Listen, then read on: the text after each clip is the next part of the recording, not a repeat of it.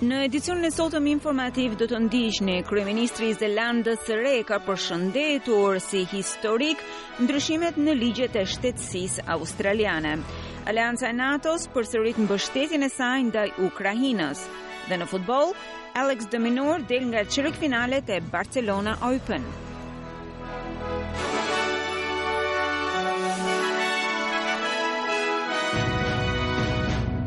Dhe fillojmë më gjërësisht me lajmet.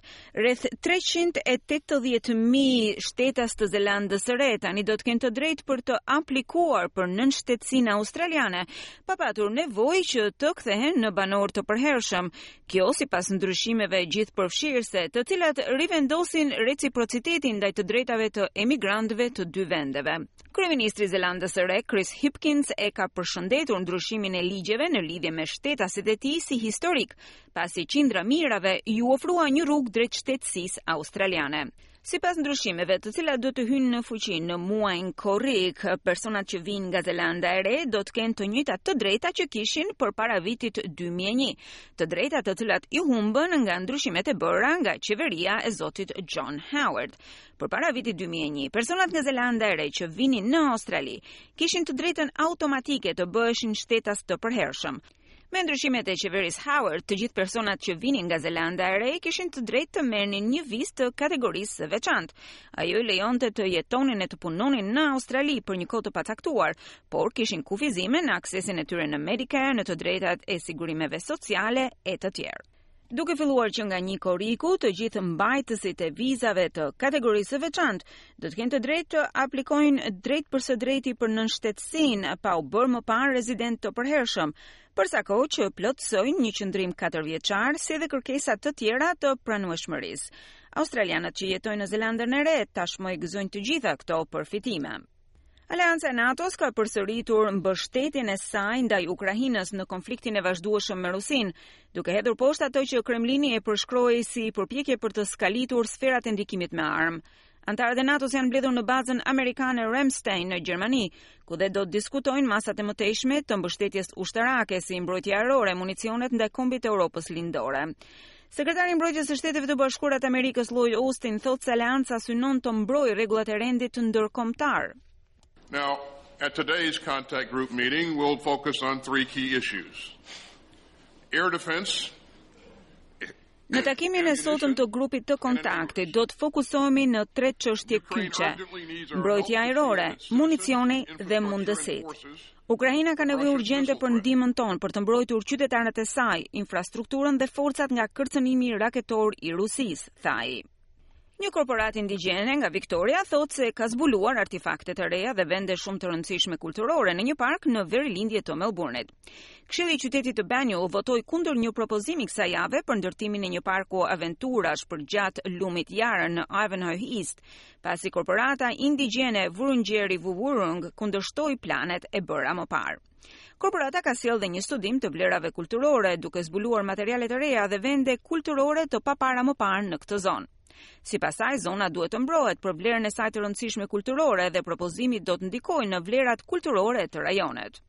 Dhe kalojmë në Shtetet e Bashkuara. Gjykata e Lartë ka vendosur dje që të ruajë të drejtën që gëzojnë gratë amerikane tek medikamentet që përdoren për abort, derisa të përfundojë një proces gjyqësor në lidhje me këtë çështje. Gjykata ka vendosur pro kërkesave urgjente të bëra nga administrata Biden si dhe prodhuesit e medikamentit Mifepristone për të mos lejuar zbatimin e një ligji të vendosur nga një gjykatë më e ulët, e cila synonte të ndalonte këtë medikament në të gjithë vendin. Administrata Biden e ka apeluar vendimin e gjykatës së Teksasit, ndërsa kërkonte që të hidhte poshtë një vendim të administratës së ushqimit dhe barnave që lejonte përdorimin e këtij medikamenti. Ilaçi është miratuar për përdorim në Shtetet e Bashkuara që nga viti 2000, e atë e kanë përdorur më shumë se 5 milion gra. Medikamenti përdoret i kombinuar me një ilaç të dytë, misoprostol, në më shumë se gjysmën e të gjitha aborteve të kryera në Shtetet e Bashkuara të Amerikës. Shefi i strategjisë për qendrën e politikave publike Stanton Patrick Mahoney thotë se vendimi është vendimtar. Today, by the end of the day, the Supreme Court will issue a decision Sot, Gjykata e Lartë do të nxjerrë një vendim për një nga çështjet më të rëndësishme të abortit në pesëdhjetë vitet e fundit. Shumë njerëz e kanë keqkuptuar vendimin e Roe versus Wade kur u përmbys ai, por tani është vetëm fillimi për një Amerikë. Pothuajse 60% e të gjitha aborteve janë aborte kimike, tha ai.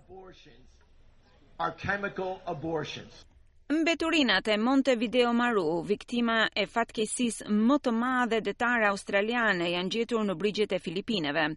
Anija u gjet tetëdhjetë vite pas fundosjes nga një nëndetëse amerikane gjatë Luftës së Dytë Botërore. Rreth nëntëqind e shtatëdhjetë e nëntë të burgosur australianë humbën jetën në këtë katastrofë, tridhjetë e tre norvegjezë dhe njëzet persona ekuipazh japonez.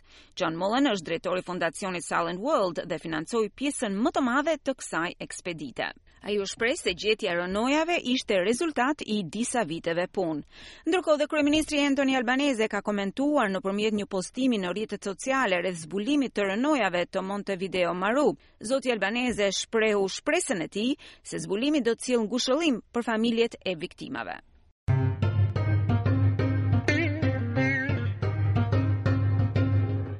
Dhe kalojmë tani në kursin e këmbimit të valutës australiane. Një dolar australian sot këmbehet me 68.4 lek shqiptare, 60 cent euro, 67 cent dollar amerikan dhe 37.6 denar të Maqedonisë së Veriut.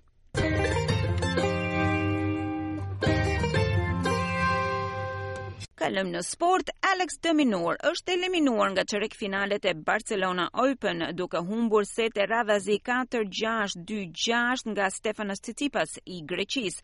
Tenisti australian nuk ishte në gjendje që të fitonte kundër 25-vjeçarit athinas, duke thyer shërbimin e tij edhe duke qenë i frustruar në disa raste.